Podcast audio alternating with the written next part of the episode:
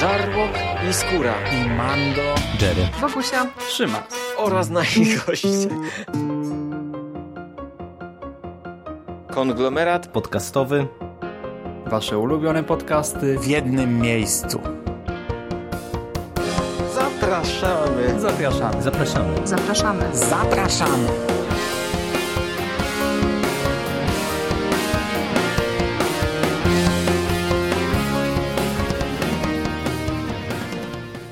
Witamy w konglomeracie podcastowym, czyli na platformie, która zbiera wszystkie wasze ulubione superior podcasty w jednym miejscu. Ja nazywam się Szymas, cześć wam i jest ze mną tutaj oczywiście także Hubert Mando-Spandowski. Cześć Mando. Witam Ciebie. Spotykamy się ponownie w tym gronie, by porozmawiać o kolejnym albumie z serii The Superior Spider-Man. Tym razem mowa o tomie Nie ma ucieczki, który zbiera zeszyty od 11 do 16, więc dostajemy troszkę więcej mięska. Zeszyt od 11 do 16 i tym razem mamy dwóch scenarzystów, co jest nowością w tej serii. Scenariusz do numerów od 11 do 13 napisał Christos Gage, a do numerów 14, 15, 16 Dan Slott. Historię e, Christosa zilustrował Giuseppe Camuncoli, a zeszyty Slota Umberto Ramos. Czyli rysownicy, stali rysownicy Superiora powracają. I tak, fabularnie, ja już teraz powiem, że ten komiks to jest dla mnie prawdziwa bomba. Tak jak ostatnio już, e, to głównie ty wtedy chwaliłeś, tak? No ale ja przytakiwałem ci oczywiście, że sporo się działo, tak tutaj no naprawdę w tym albumie dzieją się rzeczy niezwykłe. Najpierw obserwujemy egzekucję Spider zabójcy e, w zamykanym właśnie Raft, w więzieniu Raft, i ta egzekucja oczywiście kończy się katastrofą i uwolnieniem nie tylko samego skazanego, ale i Torpedo, Sępa, Skorpiona i Lizarda, a następnie Raft zostaje zamieniony w drugie Spider Island, a Spider-Man Superior Spider-Man postanawia no cóż, zniszczyć Shadowland, zabić Kingpina i Hobgoblina. Bo czemu nie? No i tutaj istotne jest to, że w poprzednim tomie y, Octavius ostatecznie, teoretycznie ostatecznie, bo on gdzieś tam pewnie siedzi w jego głowie, tylko nie wie kim jest, pozbył się Petera Parkera. Ten tom to jest pierwszy tom, gdzie tak naprawdę on jest wolny, może robić co chce, nikt mu nie przeszkadza, jest nowym Spider-Manem i y, sam kreuje swoją drogę. I to tutaj przewija się przez cały ten komiks właśnie, co, co to jest dziedzictwo danej, danego bohatera, czym jest dziedzictwo, czym jest superbohater, czym jest superzłoczyńca. Tutaj jest taka fajna rozmowa, gdy Spider-Man sam mówi, że na tej egzekucji, gdy on tam krzyczy, że oddałem się Bogu i moja dusza będzie zbawiona, a on w tym momencie trochę nieświadomy zaczyna zaczyna mówić, że ci wszyscy złoczyńcy tak, tak, tak mówią, myślą, że e, w każdej chwili mogą stać się kimś, kimś nowym, że mogą porzucić tamto życie i zapomnieć o tym i być, ja to cytuję z pamięci, nie? I w, i w pewnym momencie mhm. przerywa tę rozmowę, bo, bo zdaje sobie sprawę, że tak naprawdę mówi o sobie w tym momencie, ale też e, w tym tomie nie mamy jeszcze w zasadzie, żeby to nie zabrzmiało, że tutaj mamy jakieś wyrzuty sumienia czy coś, albo jakieś przemyślenia tego nowego Spidermana. Nie, on idzie po trupach. On przez ten tom przejeżdża jak walec i e, konsekwentnie realizuje swój jakiś tam plan właśnie dotyczący chociażby Pajęczej Wyspy 2, czy potem e, tej rozpierduchy w Hell's Kitchen. Dokładnie tak. Przejeżdża przez ten tom jak walec, jak walec, jak, jak czołg, jak helikarier. po prostu.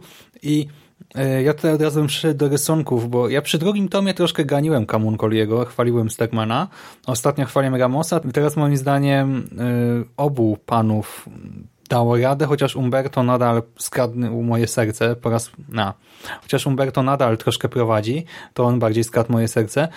Ten tom właśnie jest epicki od strony y, treści, ale też od strony formy. Kamunkoli bardzo dobrze rysuje arcyłotrów. On właśnie dostał te pierwsze trzy zeszyty i to, jak nam prezentuje Boomeranga, Skorpiona, Sempa, Lizarda, Spider-Zabójcę, właśnie Boomeranga, ja powiedziałem wcześniej Torpedo przez pomyłkę, y, no to wypada naprawdę pięknie tutaj, niesamowicie, to robi świetne wrażenie. Niestety nie wiem dlaczego, bo wydaje mi się, że trudniej narysować właśnie takiego epickiego arcyłotra, a tutaj Kamunkoliemu gorzej wychodzą ludzie jakoś tak Giuseppe ma chyba problem z rysowaniem ludzkich twarzy, bo Peter wali tutaj momentami takie miny, jakby był swoją karykaturą. E, Jameson też momentami ma taką twarz, jakby, nie wiem, gałki mu miały wylecieć zaraz z oczodołów e, czy coś i no niestety to wygląda momentami źle, zwłaszcza jak się to skontrastuje, to jest po prostu no, kanion między jednym a drugim. A Ramos, y, wow, on sobie poradził doskonale. Tutaj y, cała ta walka y, w Shadowland, nie, w Hell's Kitchen, no to przecież to wygląda bosko, ten cały marsz pajęczej armii, nie wiem, lud goblinów czy sam hobgoblin, no to się prezentuje znakomicie. Ja naprawdę byłem zachwycony, jak ja to sobie czytałem. Wiadomo, że to jest komik superbohaterski i tak dalej, ale to wygląda świetnie. No ja tutaj, tak, ja tutaj tak się nie rozpływam. Akceptuję te rysunki, ale nie ma tu żadnego wow dla mnie. To są ci dwaj rysownicy, za którymi ja nie przepadam. Obaj właśnie dość karykaturalnie rysują twarze. Ten pierwszy bardziej tak, e, takie właśnie dziwne miny. E, ten drugi bardziej tak kreskówkowo. E, te rysunki są ok. Ja nie mam zastrzeżeń na negatywnych, ale nie mam też jakichś pozytywnych zachwytów. Po prostu. Tyle. Mm. No może mnie to właśnie razem z tą zaskoczeniem fabularnym po prostu porwało. Mhm. jak zobaczyłem te spider-boty y, tych żołnierzy czy coś, no to naprawdę byłem zauroczony, a ci arcyłotkowie w tym pierwszym tomie, zwłaszcza na tle tych takich byle jakich ludzi, no to też w ogóle to widać, nie? no bo jak nawet teraz to kartkuję, no to widać, że tutaj twarze ludzkie czasami są tak właśnie jakby niedokończone, nie tak bardzo mm, no lekko tylko zarysowane, jakby to był szkic, a za to ci łotkowie, no to wiesz, każdy cień jest naniesiony yy, szczegółowo, detalicznie, po prostu się bardziej starał przy nich, nie? No, jak mówisz. Natomiast fabularnie tutaj pierwszy raz mam wrażenie, że widzimy taki podział jednak na dwa segmenty. To nie są żadne segmenty nazwane, to nie jest oddzielone od siebie, ale widać e, ten, ten podział właśnie, e, gdzie kończy jeden scenarzysta, zaczyna drugi, gdzie kończy jeden rysownik, zaczyna drugi.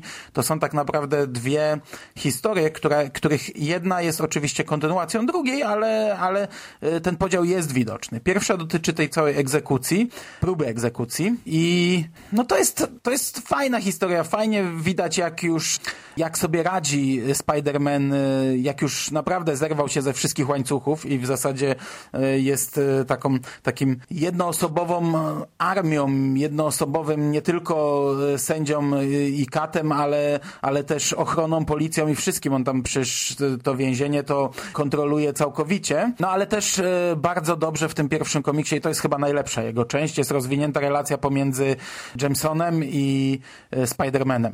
Bo tutaj nawiązujemy do wydarzeń wydarzeń z przeszłości, do śmierci żony aktualnego burmistrza. No i ten wątek, te relacje są poprowadzone dość mocno, no bo tak jak wiemy w tym Superior Spider-Manie e, nagle ten bohater polubił Spidermana, bo gdy on się zmienił, no to e, tak jak przez całe życie on go nie znosił i mówił, że to jest przestępca i w ogóle e, powinno się go zamknąć i, i, i uwolnić ulicę od Spidermana, tak nagle, gdy jego miejsce zajął przestępca, to on go szanuje i w ogóle podziwia i, i, i tak dalej. I mamy taką rozmowę między nimi, która jest no, dość mocna, a to, jak zostaje to zakończone i spuentowane, to jest e, fantastyczne. Hmm.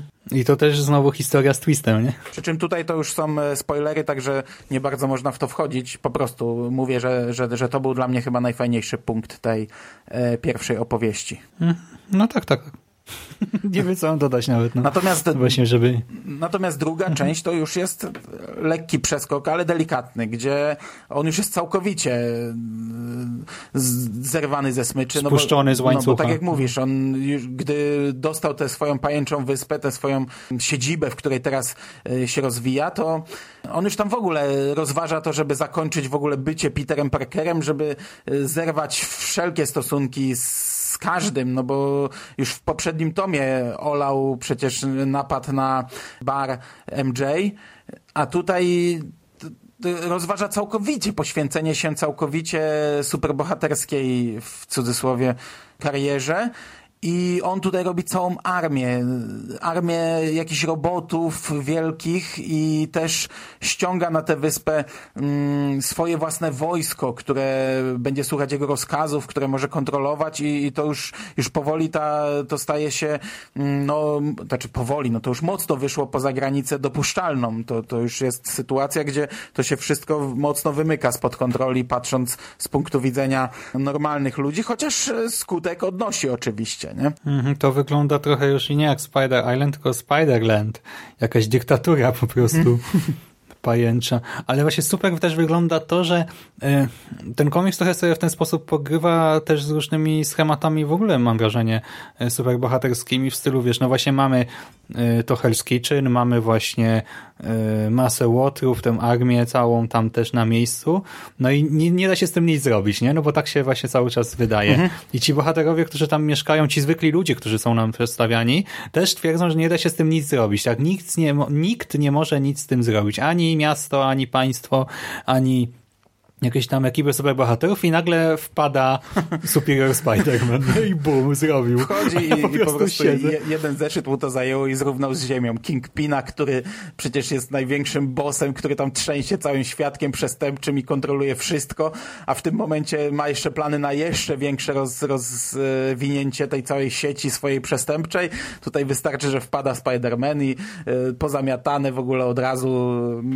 mecz do jednej bramki Kingpin y, musi naprawdę uruchamiać plan ostateczny, żeby nie żeby walczyć, tylko żeby w ogóle wy, wyjść z życiem z tego, ujść z życiem. Hmm. Dlatego ja byłem strasznie zaskoczony pozytywnie i powiem Ci, że ja ten album chyba oceniam najlepiej na razie z całego cyklu. Zrobił na mnie największe wrażenie. Ogromna dawka emocji, wiele naprawdę atrakcyjnych planż, yy, mocny zwrot reakcji Bawiłem się doskonale, czekał na więcej. No, a ja jeszcze zanim e, potwierdzę, to jeszcze druga część po załatwieniu Kingpina też jest fajnie zrobiona, bo on próbuje ścigać tego nowego Hobgoblina, a mm, i robi to w sposób no, mocno kontrowersyjny, bo przecież y, podłącza się pod wszystkie y, telewizory, gdzieś tam pod, pod wszystkie, y, przejmuje kontrolę nad telewizją i podaje jego tożsamość, nie? podaje jego zdjęcie, imię, mhm. nazwisko, coś co no, jest przestępstwem nie? w zasadzie, a on tutaj w tym momencie sprawia, że ten człowiek nagle jest zaszczuty, on nagle staje przeciwko ludziom, całemu społeczeństwu, nie? Nagle wszyscy, kurczę, no trochę się zamotałem, wiadomo o co chodzi, nie? To też, też mocne, fajne było. Mhm, kontrowersyjne, ale też ciekawie przedstawione, bo tam też reakcje są różne, nie? Więc daje do myślenia, no. No. Ciekawe, jak to się rozwinie. A ogólnie, tak jak podsumowujemy, to ja jestem nadal zadowolony tym, jak prowadzony jest ten komiks patrząc na całą serię, bo nadal po czterech tomach uważam, że nie ma tutaj tomu zbędnego. To jest krok po kroku, konsekwentnie prowadzone. Każdy tom ma nam coś opowiedzieć, ma być elementem całej układanki, dużej historii, a nie są to takie na razie przynajmniej skoki w bok. Okej, okay, można mieć wrażenie, że, że na przykład w tym tomie obserwujemy jakieś tam nieistotne rzeczy dla całej historii, ale nie, no to jest dalsza e, droga pokazywania na rozwoju tej postaci, pewnie do jej upadku zakładam. Mhm, bo to właśnie te, te kolejne historie budują na poprzednich zawsze, mhm. tak? Dlatego czuć właśnie wyraźnie, co z czego wynika i y, gdzie są te punkty takie jakieś tam zwrotne w rozwoju bohatera. Mhm. I ogólnie komiks mi się podobał. Dużo akcji, dużo się dzieje, dużo kontrowersyjnych rzeczy i i również no jakieś tam spojrzenie na, na właśnie na to, co e, trochę, trochę gdzieś tam poruszony ten wątek dziedzictwa, tego, co po sobie zostawiamy i, i kto ma do tego prawo, przy czym to tak tylko delikatnie zarysowane. I to tak tyle mhm. ode mnie. A to bardziej się podobało trójki, czy mniej jednak? Mm, Ciężko powiedzieć. Porównywalnie bardzo. To są dwa różne tomy tak naprawdę. No tak, tak. Ciężko powiedzieć. Nie umiem powiedzieć, który był lepszy. W trójce ta końcówka, okay, no... no... to to było tak mocne i, i, i, tak fajne, że ona wyróżnia i charakteryzuje cały ten tom. Yy... Oba mi się czytało tak naprawdę bardzo dobrze. No okej. Okay. No dobra, no to jak słyszycie, jesteśmy bardzo zadowoleni. Tym razem oboje bardzo, bardzo, bardzo. Więc cóż, no żegnamy się z wami i lecimy po kolejny komiks. Dzięki ci, Mando, za rozmowę. Dziękuję ci również. A wam, kochani, dzięki za uwagę. Trzymajcie się ciepło i do następnego razu. Cześć. Cześć.